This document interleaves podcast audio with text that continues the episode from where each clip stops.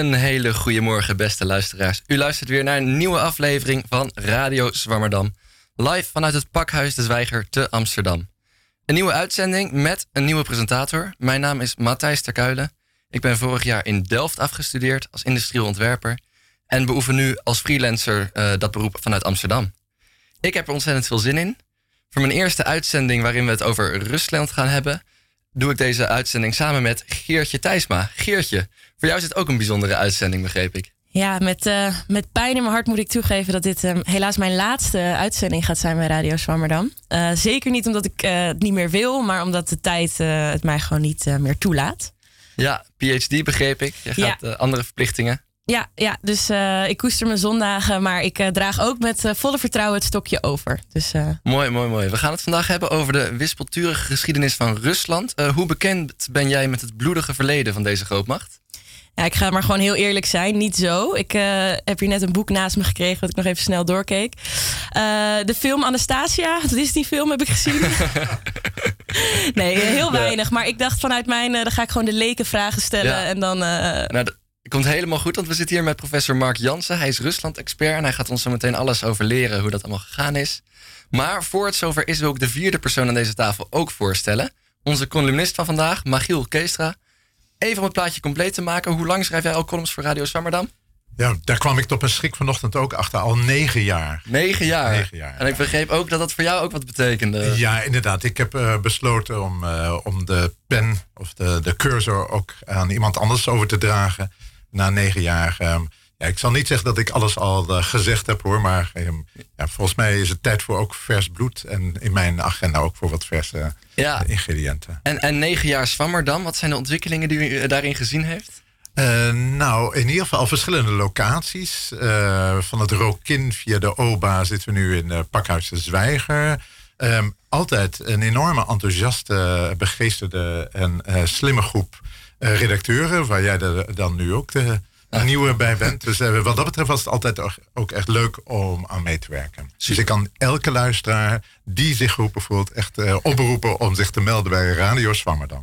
Super. En wil, wil je toevallig al een tipje oplichten van de sluier waar je over vandaag de column gaat hebben? Ja, uh, morgen is 1 juli, de jaarlijkse Kitty-Kotti-viering, de herdenking van de afschaffing van de slavernij door Nederland in 1863. En daar ga ik het over hebben. Ik ben benieuwd. Voel je ook meer dan welkom aan het gesprek deel te nemen zometeen? Dan komen we nu bij de eregast van vandaag. Ik noemde uw naam zojuist al even. Mark Jansen, hartelijk welkom in onze studio. Goedemorgen. Goedemorgen. U bent uh, Ruslandkenner. Hoe word je dat? En uh, wat drijft uw interesse voor dit land? Nou, ik heb om te beginnen gewoon geschiedenis gestudeerd aan de Universiteit van Amsterdam. Of zoals die in die tijd nog heette, de gemeentelijke universiteit. Want dat is best al een tijdje geleden. Ik ben namelijk al uh, enige tijd met pensioen, moet ik zeggen. Maar dat uh, weerhoudt mij er niet van om nog steeds boeken te schrijven. Uh, daar heb je namelijk dan veel tijd voor. Ik heb dus ooit geschiedenis gestudeerd en ben ook in mijn jonge jaren als scholier een keer met mijn ouders naar Rusland geweest. Dat was toen, in die tijd was dat een goedkope reis. Die werd aangeboden door de Vereniging Nederland-USSR, de VERNU. En welk jaar gaat het nu eh, dan over? Nou, dat was nog onder Khrushchev. Dus toen, daar dan waren jullie allemaal nog niet eens geboren misschien. dus dat is heel lang geleden.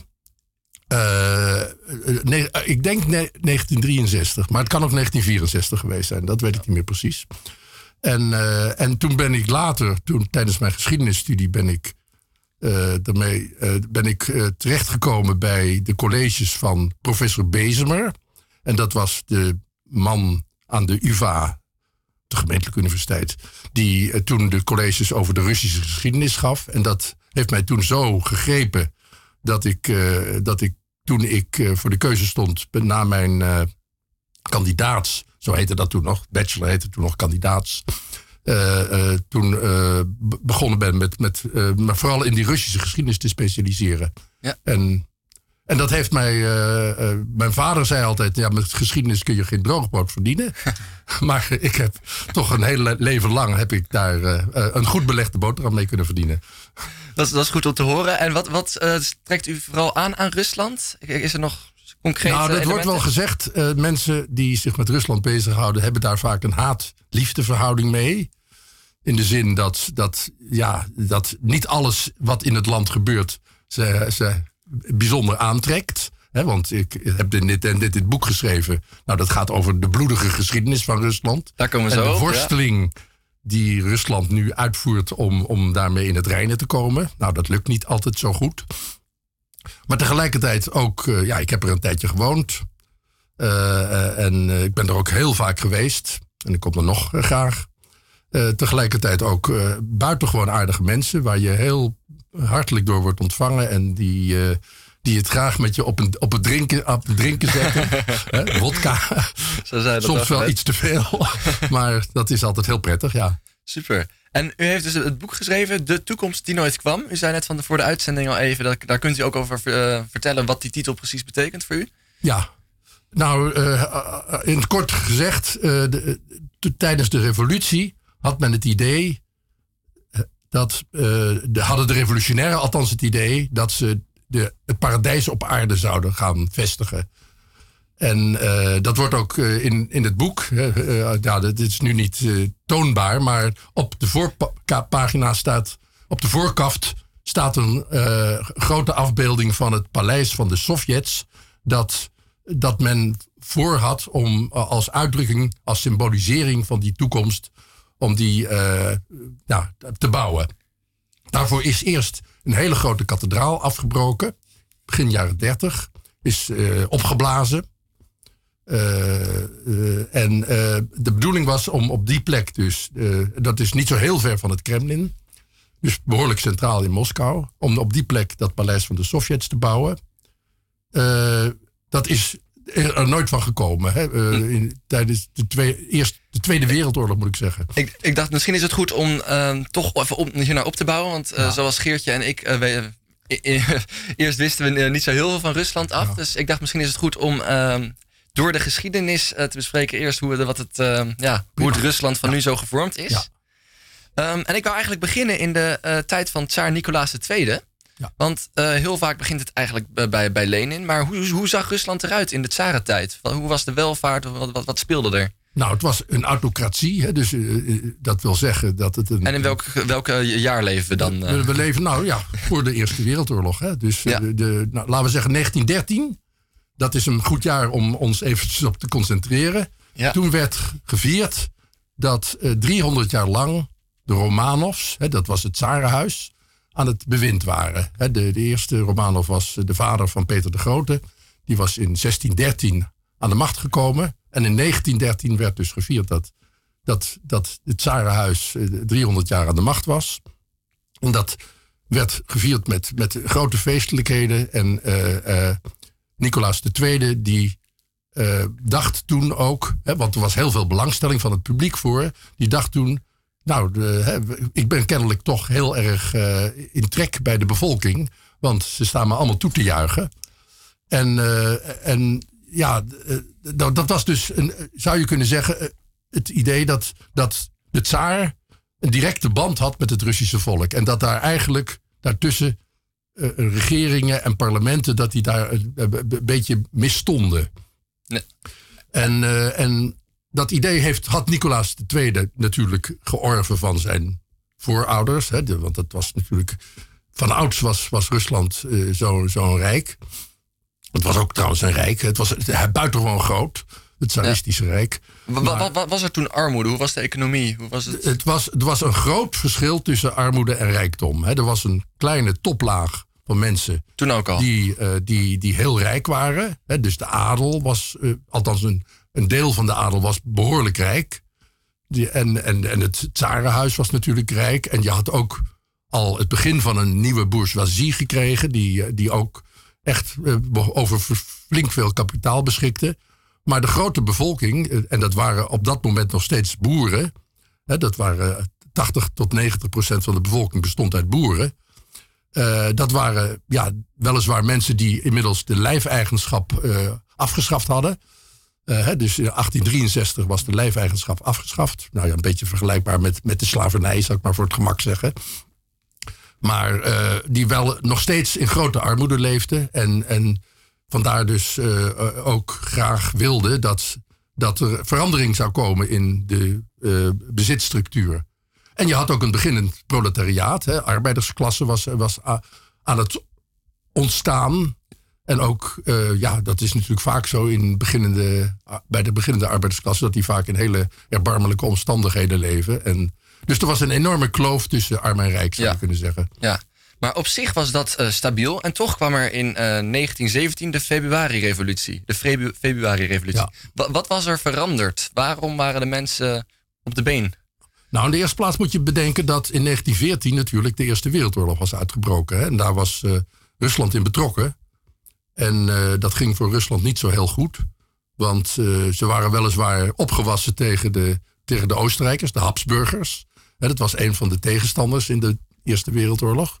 Maar tegen Duitsland of Pruisen was men veel minder opgewassen. En daar heeft het Russische leger een aantal behoorlijk zware nederlagen geleden. En het gevolg daarvan was dat, dat er ja, in de eerste plaats uh, uh, onder de soldaten toch een stemming begon te ontstaan. Hè. In 1914 waren ze natuurlijk met veel enthousiasme gaan vechten. Maar zo in 1917 was dat, er was dat enthousiasme behoorlijk weggezakt. En er was al sprake van desertie. Hè. Dus, dus mensen die gewoon de loopgraven verlieten. Omdat, om, om, om naar huis terug te keren, omdat ze er geen zin meer in hadden. Dus dat was, uh, was het geval. Ja, en toen kwam de En, en er was, was, ook nog een probleem van de voedselvoorziening. Hè? En met name in de grote steden. Ja. Petrograd, want dat was het oude Petersburg. Dat was inmiddels omgenoemd. Dat vond men te Duits klinken. Uh, dat, dat, daar, daar waren, waren, uh, was, waren voedselproblemen ontstaan. En uh, de bevolking die kwam al op de been om, om dat voedsel niet goedschiks, maar dan kwaadschiks, maar te gaan halen.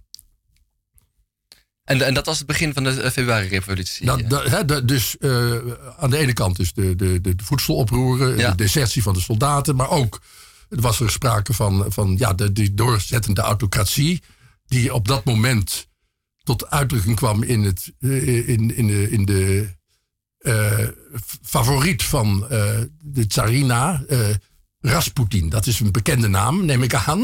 dat was een, ja, een gebedsgenezer die, waarvan men dacht dat hij de hemofilie van de tsarevich, de, dus de kleine zoon, de, de kroonprins, die op dat moment 14 jaar oud was, dat hij die kon opheffen. Hè, die, die leed aan hemofilie. Nou, dat is bloederziekte. Dat is, betekent dat als je een wondje krijgt, dat je dan heel makkelijk dood kunt bloeden, bij wijze van spreken. Ja. Nou, die, die, de Rasputin die beschikt over uh, over uh, hypnotische gaven. En daarmee kon hij die bloed, bloedingen dus stoppen. En ja, die had dus een hele kwalijke uh, invloed op, op, het, op, de, op het tsarenregime. Die kon bijvoorbeeld ministers voorstellen. En die werden dan ook vervolgens minister en, ja. en ministers afzetten. Ja. Toen um, werd de tsaar dus afgezet in februari. Toen ja. ontstond er een regering. Hoe, wat, wat, hoe werd het land toen bestuurd? Wat, de, er ontstond een voorlopige regering die voortkwam uit, ja, dat was een, uh, een uh, uit de, de staatsdoema. Dus de, de, er was een soort parlement ingesteld. Uh, in, al, al, een aantal jaren geleden. Die wel eens, was weliswaar op een beetje op een zijspoor gezet. Maar na de februari-revolutie kreeg die, die Duma weer een, een, een stem tot zijn beschikking. Ja. En de, uit, uit die Duma werd vervolgens een voorlopige regering ge, gevormd. Waar die vooral werd beheerst door liberalen. dat waren dus uh, mensen die ja, uh, vonden dat. dat uh, ja, in het begin vonden ze dat de oorlog gewoon moest worden voortgezet. Hoewel er dus heel, heel veel sprake was van desertie. En, en hoewel de stemming in het land niet echt was voor voortzetting van die oorlog. Maar dus die, die liberalen die wilden heel graag die oorlog voortzetten. Wel met het idee dat er, dat er dan misschien op een gegeven moment een vrede zou komen. Waarin dan uh, ja, Rusland uh, een gaatje mee kon pikken. Ja. Ik zie je ja. vraag aan de ja, ja, ik heb, ja, Als, als uh, filosoof luister ik met, met interesse naar wat, wat Mark Jansen vertelt. Um, en heb ik tegelijk ook een aantal data in mijn hoofd. 1848 publiceren Marx en Engels het Communistisch Manifest. 1876 deel 1 van het Kapitaal. Ehm, en natuurlijk zit Marx dan voor een deel in, de, in, de, ehm, in Duitsland, in Engeland. Ehm, ik heb altijd wel afgevraagd in hoeverre die toch wat groeiende, misschien nog eerst echt kleine, maar groeiende internationale beweging, uh, communistische beweging, in hoeverre die nou ook zijn weg vond in die tussenliggende tijd tot aan de, de Russische revolutie in Rusland? Of was dat daar maar heel marginaal iets? Of heeft dat iets een rol gespeeld in die periode tot 1817? Nou ja, zoals ik al zei, Rusland was een boerenland. Dus in zekere zin zou je kunnen zeggen, daar, daar sloeg het marxisme niet echt aan. Maar er was een beginnende marxistische beweging inderdaad. Hè. Dat was de, de Sociaal-Democratische Partij. Die was al heel snel uiteengevallen in Mensjewieken en mm Bolsjewieken. De Mensjewieken waren, ja, althans volgens hun naam waren dat de mensen van de minderheid. En de Bolsjewieken waren de mensen van de meerderheid. Maar dat is echt een tijds... Uh, uh, tijdsfactor. Mhm. die, die, waarvan je niet kan zeggen dat hij nou echt door heeft, een belangrijke rol heeft gespeeld. Dus beide waren natuurlijk Marxisten in, in, die zin. Maar Marx had wat dat betreft natuurlijk een beetje een erfenis achtergelaten die multi-interpretabel was. Want heel veel Mensjewieken die dachten, ja, we moeten eerst een soort burgerlijke fase moeten we doormaken. Want dat heeft Marx beschreven. En, en, het kapitalisme moet het volle wasdom komen voordat het socialisme kan aanbreken.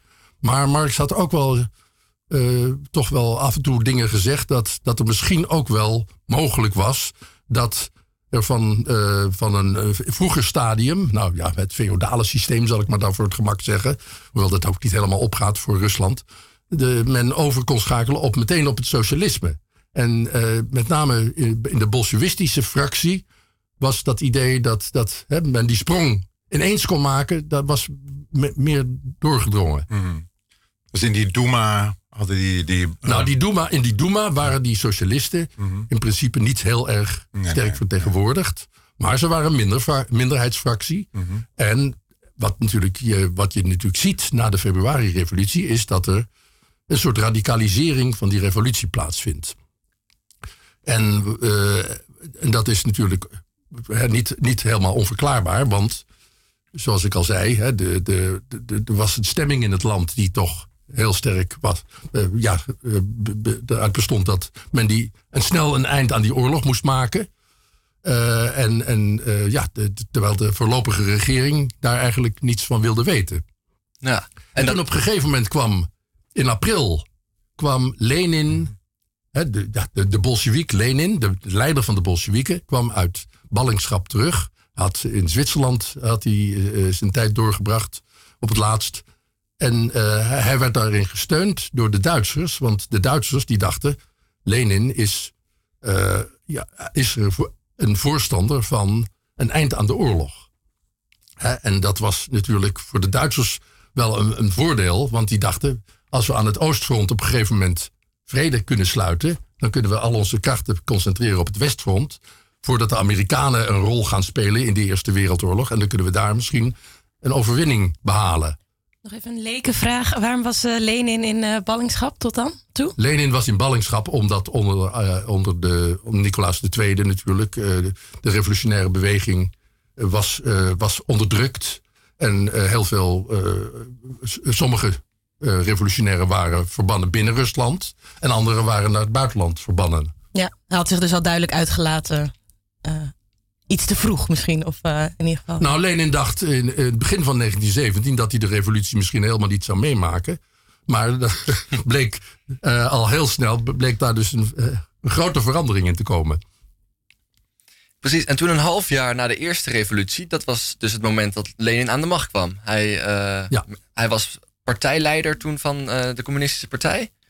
Nou, de, die heette toen nog de Bolsjewistische Partij. die is in 1918 is die omge, vorm tot de communistische partij. Nou, eh, ik heb al gezegd, hè, dus Lenin kwam op een gegeven moment naar Rusland. En toen had je een, een soort strijd tussen aan de ene kant de voorlopige regering. En aan de andere kant had je dus de Sovjets. Die waren toen al na de februari-revolutie waren die ingesteld. En er was dus eigenlijk een soort dubbelmacht, zou je kunnen zeggen. Hè? Want het was niet helemaal duidelijk welke volmachten de voorlopige regering had. En welke volmachten de Sovjets hadden. De Sovjets waren door het hele land waren die, uh, waren in het hele land opgezet. Maar de belangrijkste Sovjet zat natuurlijk in Petrograd, hè, dus de hoofdstad.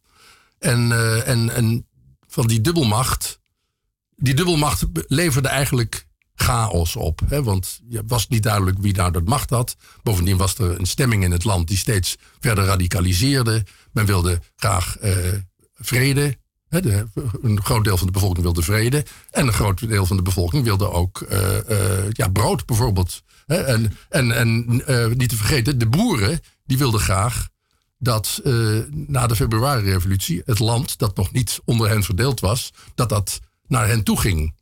Het is die, die, die, en, en, die chaos, daar heeft Lenin in zekere zin van kunnen profiteren. Die heeft daar, die heeft daar een beetje op ingespeeld. Die heeft gezegd, ja, ik wil ook vrede.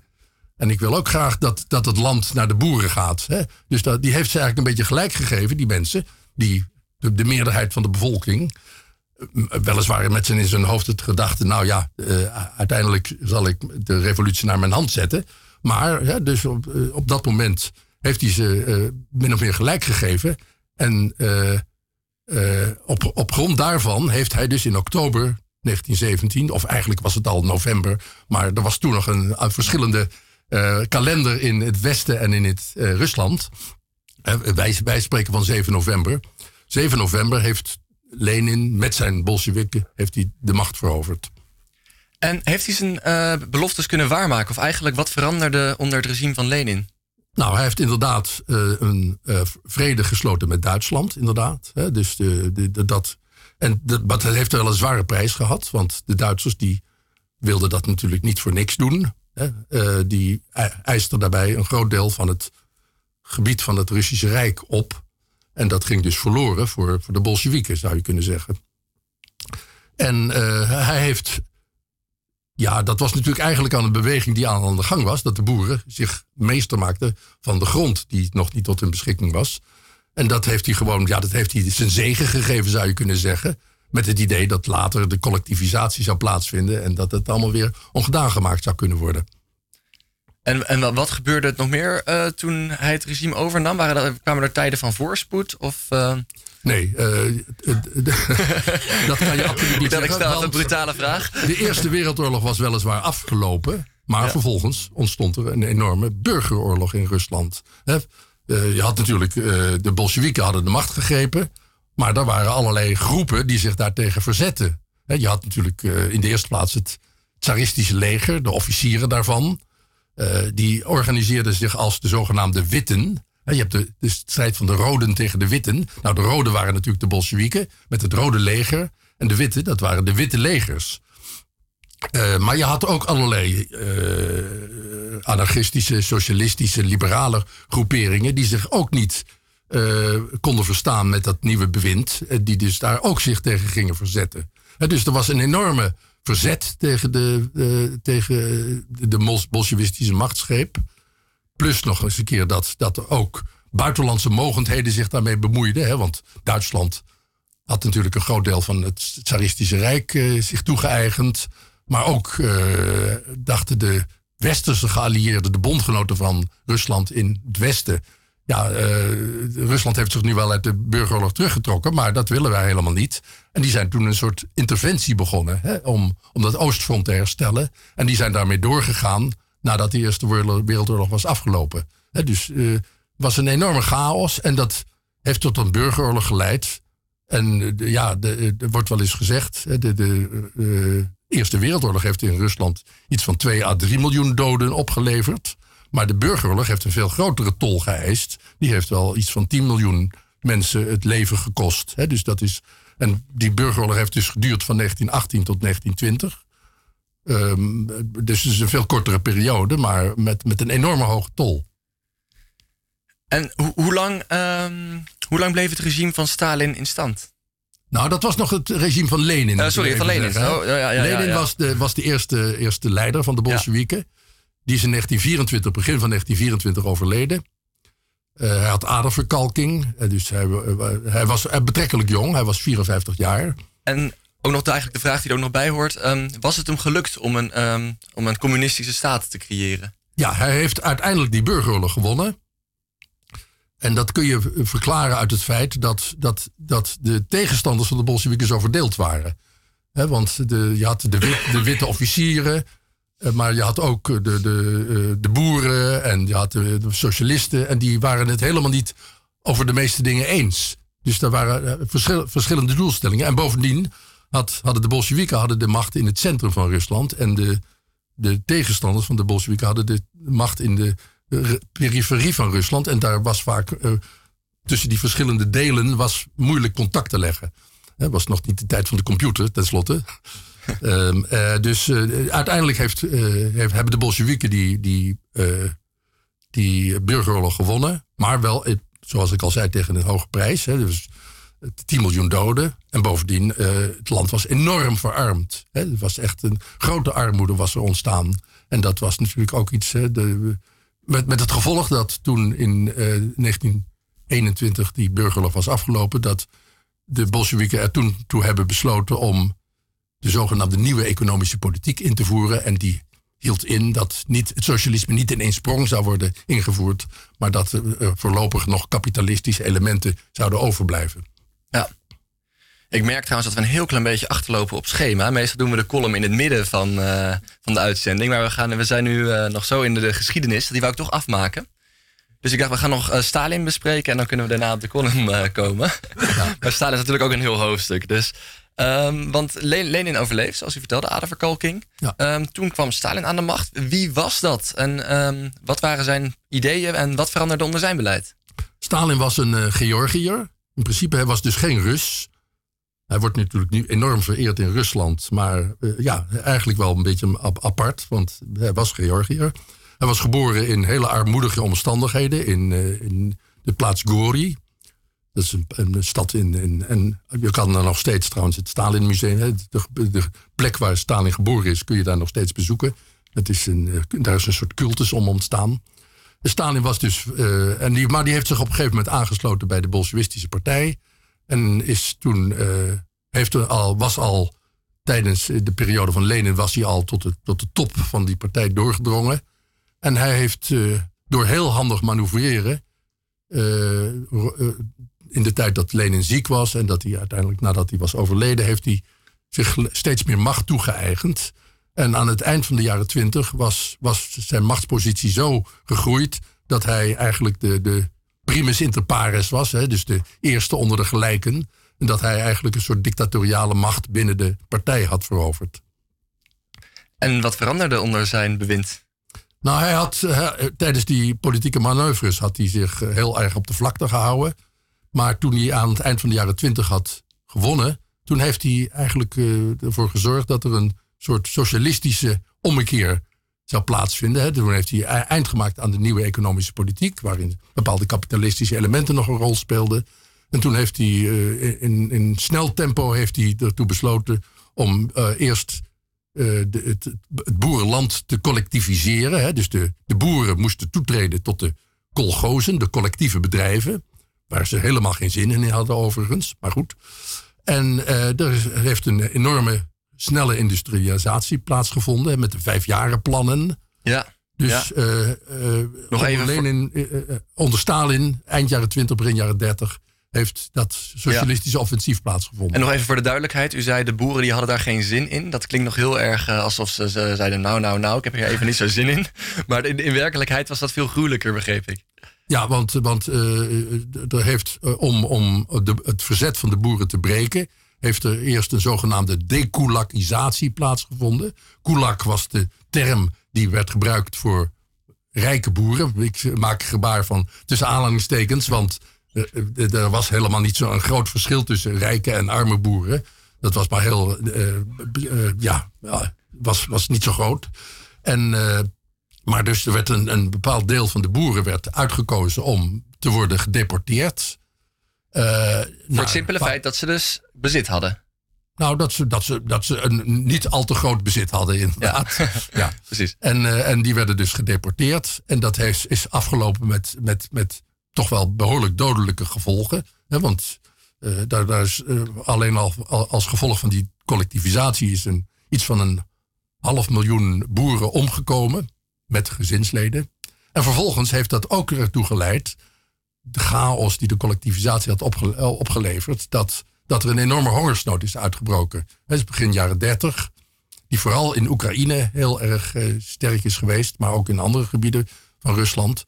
En ja, die hongersnood op zichzelf heeft ook alweer iets van 5,5 tot 6 miljoen doden opgeleverd. Hè? Dus ja. ik zei al, het is een bloedige geschiedenis. dus uh, dat kan je aan dit dus- soort uh, dingen wel zien. Ja, de, dus de boeren waren de klos, uh, de burgers hadden de klos, want die hadden niet genoeg eten. Waren er nog meer partijen die onder Stalins bewind last ondervonden? Nou, er was ook een groep die natuurlijk wel dacht wij kunnen hiervan profiteren. Hè? Want uh, was natuurlijk de, de, aan de ene kant waren er heel veel mensen het slachtoffer. Maar er was ook, omdat natuurlijk uh, heel veel mensen waren vermoord. En, de, de, elite was natuurlijk voor een groot deel ook geëmigreerd. Hè? Twee à drie miljoen mensen waren geëmigreerd. Omdat ze gewoon niet geen zin hadden om onder het, Die zagen het onder het communisme te leven. dus er was ook mogelijkheid tot mobilisatie van de bevolking. Hè? Dus uh, je, kunt, je, kon bij wijze van spreken kon je een machtspositie bereiken uh, in de nieuwe industrie of in het bestuur. Die, die daarvoor ondenkbaar was geweest. Hè? Dus daar hebben ook heel veel mensen van geprofiteerd. Oh, interessant. Ja. En dat is dus de, dat is, dat is de, de grondslag van de populariteit die Stalin natuurlijk ook heeft gekregen. Hè? Dus aan de ene kant heeft hij heel veel slachtoffers gemaakt. Maar aan de andere kant hebben er ook heel veel mensen van kunnen profiteren. Want ik heb ik, nog wel, wat waar ik dan meteen aan moet denken, je hebt van die foto's. Uh, waar hij dan op staat met een hele groep mensen. En dan kan je echt zo zien, oh, die zijn er allemaal niet meer, zeg maar. Dus hij had zo'n groep mensen op zich heen. En dan je van die, of nou, grappig. Uh, dat zijn de, de geretoucheerde foto's. Hè? Dus ja. uh, dat was nog de tijd van de foto's natuurlijk. Uh, tegenwoordig heb je daar filmpjes voor. Maar uh, er waren mensen die dus in ongenade waren gevallen. En dat waren mensen die soms ook uh, heel hoog waren in de communistische partij. Hè. Nou, Trotsky is daar een goed voorbeeld van. Hè. Trotsky was natuurlijk de man die samen met Lenin eigenlijk de revolutie had gemaakt. Hè. De Oktoberrevolutie had hij doorgevoerd. En die was daarna minister van Oorlog geweest. Hij had eigenlijk een belangrijke rol gespeeld ook tijdens de burgeroorlog. Maar die is onder, onder Stalin is die langzamerhand weggebonjourd. Is uiteindelijk in Mexico terechtgekomen. En daar is hij een kopje kleider gemaakt. Met die beroemde pikhouweel. Zelfs in Mexico? Zelfs in Mexico. De, de, de armen van de geheime politie van Stalin. Die strekte zich uit ook tot Mexico, ja. Zo. Was hij dan bang om, waarom was het zo belangrijk voor hem? Was dit echt om zijn macht vast te houden? Was hij bang dat er anders tegen hem gereageerd nou ja, zou was, worden? Hij was er bang voor dat, dat er toch uh, rivaliteit zou ontstaan. Hij, hij, niet alleen mensen die waren geëmigreerd, uh, waar, naar, buiten, naar het buitenland waren gezet, waar, waar, werden daarbij meegenomen. Maar ook heel veel mensen binnen de Bolsjewistische partij. Hè, dus ook mensen die achtergebleven waren in Rusland. Er zijn ook heel veel mensen in de grote terreur omgekomen. Hè. Dus uh, Bulgarin, Kamenjev, Zinoviev, dat waren mensen ook uit de top van de Bolsjewistische partij. Die zijn ook een kopje kleiner gemaakt door Stalin. Hè, want die, was, die wilde geen rivaliteit binnen de partij. En hij, eh, hij, hij, wilde gewoon de alleenmacht in de partij hebben. Precies, dat, dat is duidelijk. Ik, dit lijkt me toch een goed moment om nu naar de column te gaan. en dan uh, kunnen we daarna weer verder discussiëren over de politiek in Rusland. Ja, ja eh, als, als brug voor mezelf en voor de luisteraar. Um, ik zag er net in de, als een van de hoofd, uh, hoofdstuktitels van het boek van Mark Jans een over een herdenking van slachtoffers eh, zonder daders. En uh, dat past wel een beetje bij de uh, Ketikotti herdenking van de, van de slavernij door Nederland, die morgen plaatsvindt. Waarbij um, eigenlijk zowel de slachtoffers als ook de daders langzamerhand iets meer profiel, iets meer gezicht krijgen. Iets dat volgens mij in Rusland nog best een, een lange weg te gaan heeft. Goed, ehm, terug naar Amsterdam. morgen op 1 juli vindt weer de jaarlijkse Ketikotti-herdenking en viering plaats... wanneer stilgestaan wordt bij de afschaffing van de slavernij door Nederland... in de koloniën Suriname en op de Antillen. Voor Amsterdammers is de nationale ceremonie in het Oosterpark... smiddags bij het indrukwekkende monument van Erwin de Vries... dit jaar extra spannend, omdat onze gemeenteraad het erover eens lijkt te zijn... dat het tijd is dat overheden zoals de gemeente hun excuses gaan aanbieden... Excuses voor de eeuwen van mensenrechten schendingen, onnoemelijk leed en geweld en uitbuiting, waarvoor de stad en vele van haar burgers verantwoordelijkheid gedragen hebben en waarvan zij destijds geprofiteerd hebben en in allerlei opzichten ook nog steeds profiteren.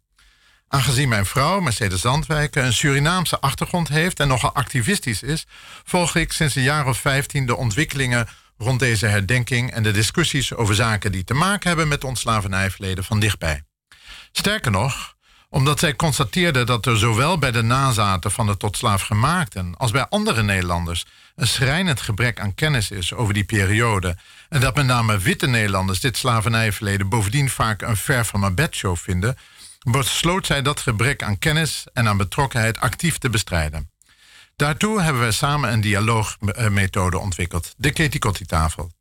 Geïnspireerd op onder andere de Sedertafel, waarmee Joden over de hele wereld jaarlijks de exodus uit de slavernij in Egypte, zo'n 3000 jaar eerder, herdenken, nemen deelnemers aan onze Ketikotti-tafel ook deel aan een aantal rituelen, een gezamenlijke maaltijd en een door ons gestructureerde dialoog aan de hand van persoonlijke vragen die op een of andere wijze samenhangen met ons gedeelde slavernijverdelen en de actuele gevolgen daarvan. In de afgelopen tien jaar hebben Mercedes en ik zo'n slordige 13.000 deelnemers hiermee bereikt. In samenwerking met meer dan 75 musea, gemeentes, universiteiten, overheden en andere instellingen in vele plaatsen in Nederland, de Verenigde Staten en Duitsland. Vond onze eerste publieke Ketikotti-tafel zo'n tien jaar geleden plaats met een groepje gelijksgezinden in Café Mansro, een buurtkroeg bij het Safati-park. Gisteren vonden er maar liefst drie Ketikotti-tafels tegelijkertijd plaats in de nieuwe imposante Lokhal in Tilburg, het Theater aan het Spui in Den Haag en ikzelf was bij het Etty Hillison Centrum in Deventer gast. Terwijl we morgenochtend Kitty dialogen zullen faciliteren met 150 mensen in de Muidenkerk en smiddags zo'n aantal bij het provinciehuis in Middelburg. Interessant en relevant voor een wetenschapsprogramma als dit is mijn observatie dat er twee verschillende ingrediënten vereist lijken te zijn om het engagement dat mensen voelen bij het Nederlandse slavernijverleden en de gevolgen te vergroten. Aan de ene kant feitenkennis, maar daarnaast ook een persoonlijke uitwisseling. Voor het genereren en verspreiden van kennis over het slavernijverleden hebben overheid, onderwijs en ook de universiteit, waaronder mijn eigen, de Universiteit van Amsterdam, het tot zo'n tien jaar geleden eigenlijk jammerlijk laten afweten. Bij de honderden dialogen die ik heb geleid, komt eigenlijk steeds weer naar voren hoe weinig de meeste mensen weten over dit stuk van onze geschiedenis. Op school werd en wordt er maar mondjesmaat aandacht aan besteed. Nieuwe kennis werd ook nauwelijks geproduceerd. En dus ontbrak het in het publieke debat ook aan de feiten die vaak nodig zijn om ons te doordringen van de omvang en de monstruositeit van dit verleden. Neem bijvoorbeeld de recente publicatie over de economische winstgevigheid voor Nederland van de slavernij-gerelateerde productie en handel. Een, uh, een kwestie die stevast gebagatelliseerd werd door de oudere generatie veelal Leidse academici. Historici Pepijn Brandon en Uwe Bosma hebben onlangs voor het eerst een onderbouwde schatting gemaakt die er niet om liegt. In de tweede helft van de 18e eeuw droeg de, slavernij afhankelijke productie 5,2% bij aan het bruto binnenlands product van de Nederlander. Uh, die slavernij-afhankelijke productie droeg 19% aan onze handel bij. En maar liefst 40% van de economische groei van die periode was afhankelijk van de slavernij-afhankelijke productie en handel. Kijkt u dus straks maar eens goed om u heen in de Amsterdamse grachtengordel, want uh, daarheen vloeit een belangrijk deel van die winst en economische groei.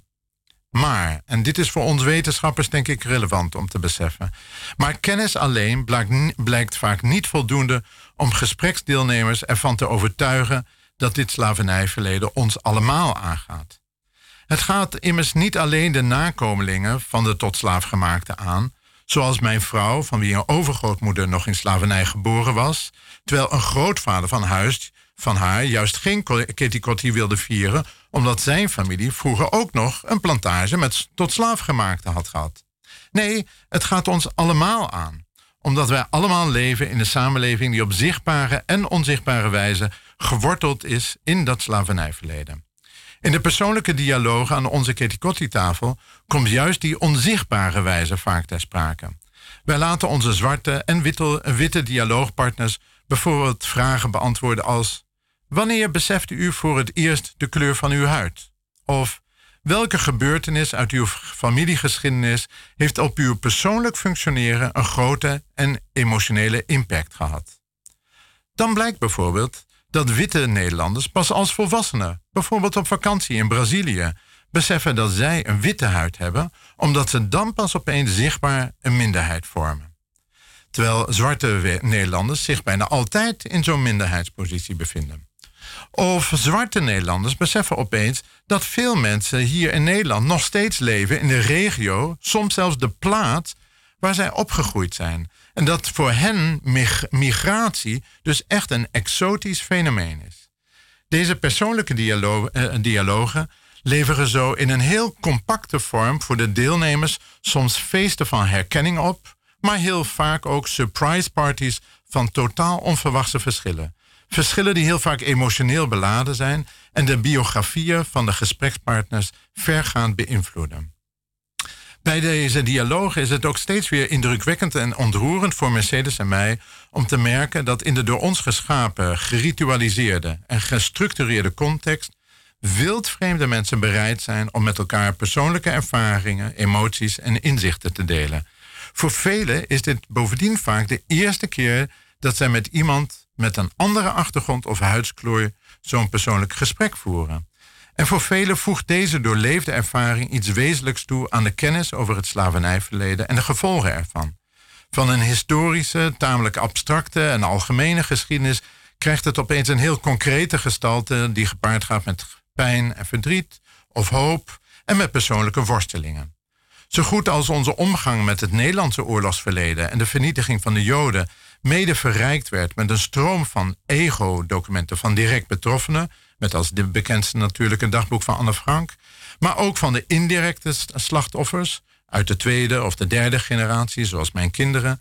Zo goed is het voor onze omgang met het slavernijverleden van belang dat wij naast wetenschappelijke kennis ook oprechte interesse opbrengen voor de verhalen van hen die direct of indirect getroffen zijn door onze gedeelde Nederlandse slavernijgeschiedenis. Ik hoop dan ook dat vele luisteraars zich morgenmiddag in het Oosterpark bij de nationale herdenking zullen voegen. Voor de oprecht geïnteresseerden is er vast ook nog wel een plaatje over bij de Ketikotti-tafel die we om tien uur in de Muidenkerk houden. Hoe dan ook, ik wens iedereen morgen een goede Ketikotti of verbreekte keten toe. Nou, dankjewel voor deze interessante uh, column en een heel leuk initiatief, de Ketikotti Meetings. Uh, het is altijd goed om nou ja, natuurlijk de, de, geschiedenis van alle kanten te belichten. Hoe gaat dat in Rusland? Hmm. Uh, welke kanten van hun geschiedenis worden belicht? Nou ja, kijk, in, uh, in Rusland is het natuurlijk nog, gaat het om een veel recenter verleden. Hè? De, de, de, de Gulag, om daar even, dat, dat, dat even te noemen. Hè? Dus het kampensysteem dat Stalin heeft ingesteld waar, uh, waar toch miljoenen mensen door, doorheen zijn gegaan. Hè? Dus afgezien van de doden die het Stalin-regime heeft opgeleverd, heb je natuurlijk ook heel veel mensen die daardoor beschadigd zijn. Die weliswaar uh, het hebben overleefd, maar wel uh, hebben meegemaakt dat ze in een kamp hebben gezeten of familieleden in een kamp hebben gezeten. dus dat is nog een hele grote groep die nog steeds ook, ook leeft op dit moment. En dus wat je ziet is dat, dat dat in Rusland, dat daar een, uh, na, na de dood van Stalin in 1953, dat daar een aantal golven overheen zijn gegaan. Van aan de ene kant destalinisatie, hè, dus de opvolger van uh, Stalin, Khrushchev, is al begonnen met een destalinisatie. Maar het is op een gegeven moment is dat weer doodgebloed.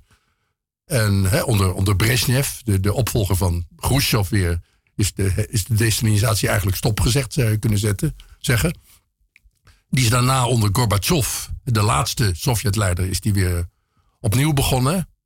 Maar ook, dat, ook die destalinisatie die onder Gorbachev is begonnen, die is ook weer geleidelijk aan doodgebloed.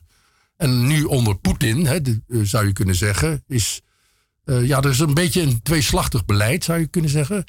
Uh, aan de ene kant is er wel belangstelling voor, voor de, het Stalinisme. En worden er ook wel instellingen het worden er wel uh, musea gemaakt. Uh, of, of die rouwmuur waar we het e-, eerder over hebben gehad. Hè, dus de, de, de rouwmuur van, die in 2017 door Poetin is onthuld. en die moet herdenken dat, dat er heel veel mensen onder Stalin zijn omgekomen of daar slachtoffer van zijn geweest. maar tegelijkertijd heeft Poetin nooit de, de dader van die zogenaamde politieke repressie, zoals hij het noemt, aangewezen, die natuurlijk Stalin heet.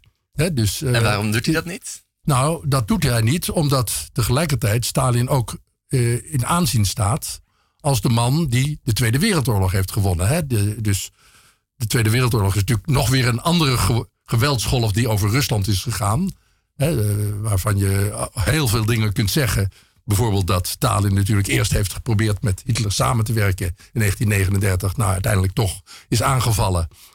En uh, toen met, met de gevolgen zat dat van het feit dat hij de, het legercommando uh, een kopje kleiner had gemaakt. Hè, dus zodat dus het leger, het Rode Leger, niet een, goed, een goed, goede commandostructuur had. En de Duitsers dus ver konden oprukken op, op Sovjetgebied. Dus ze zijn tot. Stalingrad aan de Wolga zijn ze doorgetrokken. dus, dat, de, dus in eerste instantie heeft die Wereldoorlog heeft die heel veel ellende, tot heel veel ellende geleid in Rusland. Maar uiteindelijk heeft, heeft Stalin, of althans hebben de, heeft het Sovjetvolk, heeft, hebben de, heeft het leger, is in staat geweest om de, de opmars van Hitler uiteindelijk toch te stuiten bij Stalingrad. Niet toevallig genoemd naar Stalin. ja. dat kan je natuurlijk zeggen, hij heeft die plaats daarvoor uitgekozen. En uh, uiteindelijk zijn ze, hebben ze dus weer de, de opmars kunnen stuiten. En hebben ze uh, de Duitsers teruggedreven naar Berlijn. Waar in 1945 uiteindelijk de oorlog is beslist ten gunste van. Ja. Ten ongunste van Hitler. Ja, dus dat is ook de reden dat Stalin nog op zijn voetstuk staat. Ja, ja. dus hij wordt gezien als. Aan de ene kant wordt hij gezien als de man die de politieke repressies heeft veroorzaakt. Maar aan de andere kant wordt hij ook gezien als de man die de oorlog heeft gewonnen. Ja. Ik heb een vraag. Ja, ik vroeg me af of het niet uh, daarnaast uh, ook nog zo is dat Stalin, uh, nogmaals, ik ben absoluut geen Rusland-kenner, maar of Stalin niet voor een deel ook gezien wordt als de man die Rusland gemoderniseerd heeft. Dus een soort moderne vader des vaderlands. En dan om toch die vergelijking nog even te trekken met die slavernij, dat um, er toch verschillende premiers in Nederland zijn geweest die de VOC-mentaliteit van daar hebben wij onze ons land ook voor een deel aan te denken. Of er niet een soortgelijk nationalisme met, met die Stalin zeker, zeker, Nou ja, ik heb net al gezegd, hè, er hebben heel veel mensen geprofiteerd van het verdwijnen van de elite. Maar Rusland is ook heel snel tempo geïndustrialiseerd. Hè, dus in die zin is, is, is Rusland inderdaad gemoderniseerd. Ja, inmiddels vinden we die modernisatie natuurlijk ook alweer een beetje achterhaald. Maar goed, uh, dus de, de, kolencentrales die in die tijd zijn opgericht, die moeten inmiddels weer worden gesloten. Maar, uh, de, dus, de, dus, en, en, hij wordt natuurlijk ook gezien als de man die uh, de Sovjet-Unie tot een grootmacht heeft gemaakt. Hè? Mm, Want mm. uiteindelijk heeft onder, onder Stalin, is, na de Tweede Wereldoorlog, is, is er toch een soort gelijke een gelijk niveau tussen aan de ene kant de Verenigde Staten en aan de andere kant de Sovjet-Unie ontstaan. Hè, waar de, en, en heeft uh, Rusland zich ook meester kunnen maken van de atoombom. Hè, dus uh, dat, dat is ook iets wat men Stalin, hmm. uh, ja, wat, waar, men zegt, ja, dat heeft Stalin toch maar mooi gedaan. Die heeft ons tot een grootmacht gemaakt. Ja, want in Nederland wordt ons, proberen onze kinderen heel erg inmiddels te leren over ons slavernijverleden. Over nou ja, de, wat er gebeurd is en de gevolgen daarvan. En ja, dat je ook met respect moet omgaan met, ja, met mensen die zich in die situatie, ehm, ja, die dat gewoon hun dagelijks leven beïnvloedt.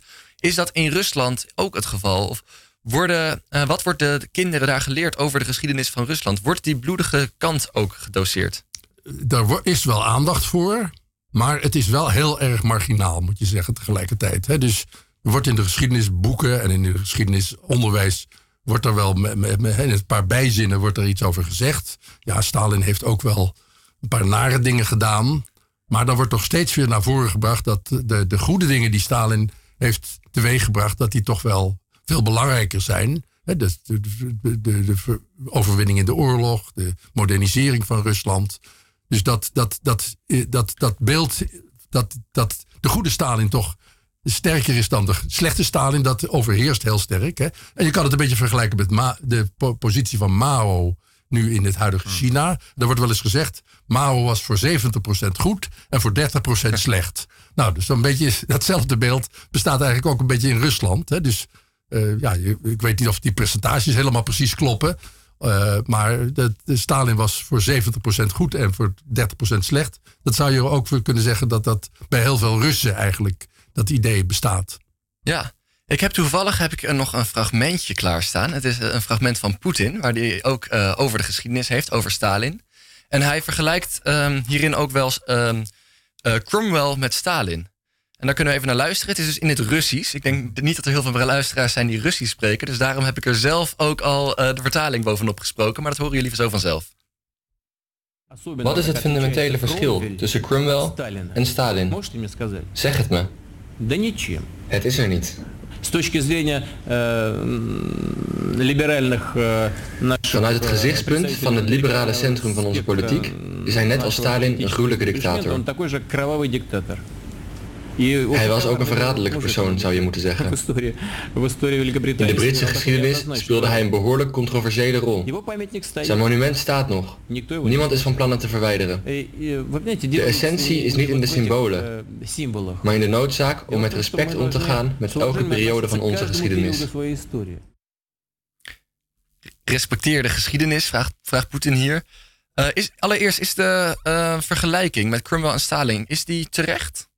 Nou ja, Cromwell is, heeft natuurlijk een veel uh, lokalere betekenis. dus in die zin heeft hij alleen betekenis voor, voor dat landje Groot-Brittannië. Dat is natuurlijk een groter land dan Nederland, maar toch. dus in die zin is hij. Uh, is hij maar de, dat, dat, dat, dat uh, Poetin hier de goede en de slechte kanten van Cromwell vergelijkt met die van Stalin, dat is natuurlijk wel heel veel betekenend. hij wil zeggen, ja, uh, Cromwell heeft heel veel nare dingen gedaan, maar tegelijkertijd staat zijn monument nog steeds overeind. En datzelfde zie je dus ook bij Stalin. Hè? Dus hetzelfde is geval, geval zie je bij Stalin, dat, dat, dat er op dit moment, hè, na de destalinisaties onder Khrushchev en onder Gorbachev, dat er toch weer nieuwe monumenten van Stalin worden overeind gezet. En, uh, nou, en dat, dat Stalin dus eigenlijk niet wordt genoemd als de man die verantwoordelijk is voor, voor, de, voor de nare kanten van, van, van ja, die de, de 20e eeuw ook heeft laten zien. Precies, ik heb het, ook het idee zelf dat uh, de westerse wereld het graag wil veroordelen of zo. Of dat ze graag een mening over wil hebben. En um, ja, is, is dat iets wat we te veel doen? Moeten we misschien inderdaad meer de geschiedenis van Rusland respecteren zoals die is? En respecteren dat ze hun eigen draai eraan geven? Nou, kijk, in de eerste plaats is het natuurlijk een zaak van de Russen. Hè? Dus, uh, maar, maar dat betekent dus dat. Uh, er is in, in Rusland trouwens een, een, een organisatie die zich heel erg bezighoudt met het Stalinistische verleden. Hè? Dat is de, het genootschap Memorial. Mhm. En uh, dat, dat is al in de tijd van Gorbachev is dat opgericht. En dat staat enorm in de wind. Hè, hebben zij ook een soort van Katie Kotti meetings? Hebben zij ook een soort van Katie Cotting meetings? Precies. Da, op 29 oktober elk jaar vindt er een soort bijeenkomst plaats. Waarbij uh, uh, rond een monument in een centraal, op een centraal plein in Moskou. Het Lubjanka-plein. Overigens voor het gebouw van de geheime dienst. Daar, dat, dat is daar onder Gorbachev neergezet. Daar, vinden, daar worden door de uh, nabestaanden van de slachtoffers worden daar de, namen voorgelezen van de slachtoffers die in Moskou ten gevolge van de Stalinistische terreur zijn gevallen. dus, en dat is, uh, de, men heeft geprobeerd om dat de, laatste keer uh, uh, te annuleren. dus 29 oktober 2018, moeten we inmiddels van spreken, heeft men geprobeerd om, om dat, de, die plechtigheid te annuleren en te op zijn minst te verplaatsen naar, naar die rouwmuur die door Poetin is onthuld. Dus een veel minder centrale plek in Moskou. dat is uiteindelijk niet gelukt. Maar Memorial wordt ook op allerlei andere manieren tegengewerkt. er worden bijvoorbeeld. Uh, er is een, een figuur die, Yuri Dmitriev, die heeft uh, in Karelië, nou, dat is een van de gebieden ten noorden van Petersburg, heeft hij massagraven van slachtoffers van Stalin heeft hij ja. ontdekt en blootgelegd en daar een monument opgezet. En die man is, wordt nu beschuldigd. Die staat terecht in een proces op op eh, de aanklacht van pedofilie. hij heeft namelijk een stiefdochter en die heeft, hij heeft gedocumenteerd dat die. Voordat we te veel uitweiden, sorry dat ik u onderbreek, want we naderen het einde van deze uitzending. Heeft u nog een positieve noot of een noot van reflectie? 20 seconden hebben we daarvoor. Een positieve noot. Nou ja, ik, ik vind eigenlijk dat Memorial moet worden vereerd als een, een, een genootschap dat heel veel goed werk doet. En dat die niet moet worden tegengewerkt, maar dat die moet worden uh, vereerd en beschermd. En uh, een rol moet krijgen in, in de Russische geschiedenis. Precies. Houd het verleden vast. Zowel voor Nederland als voor Rusland uh, geldt dat.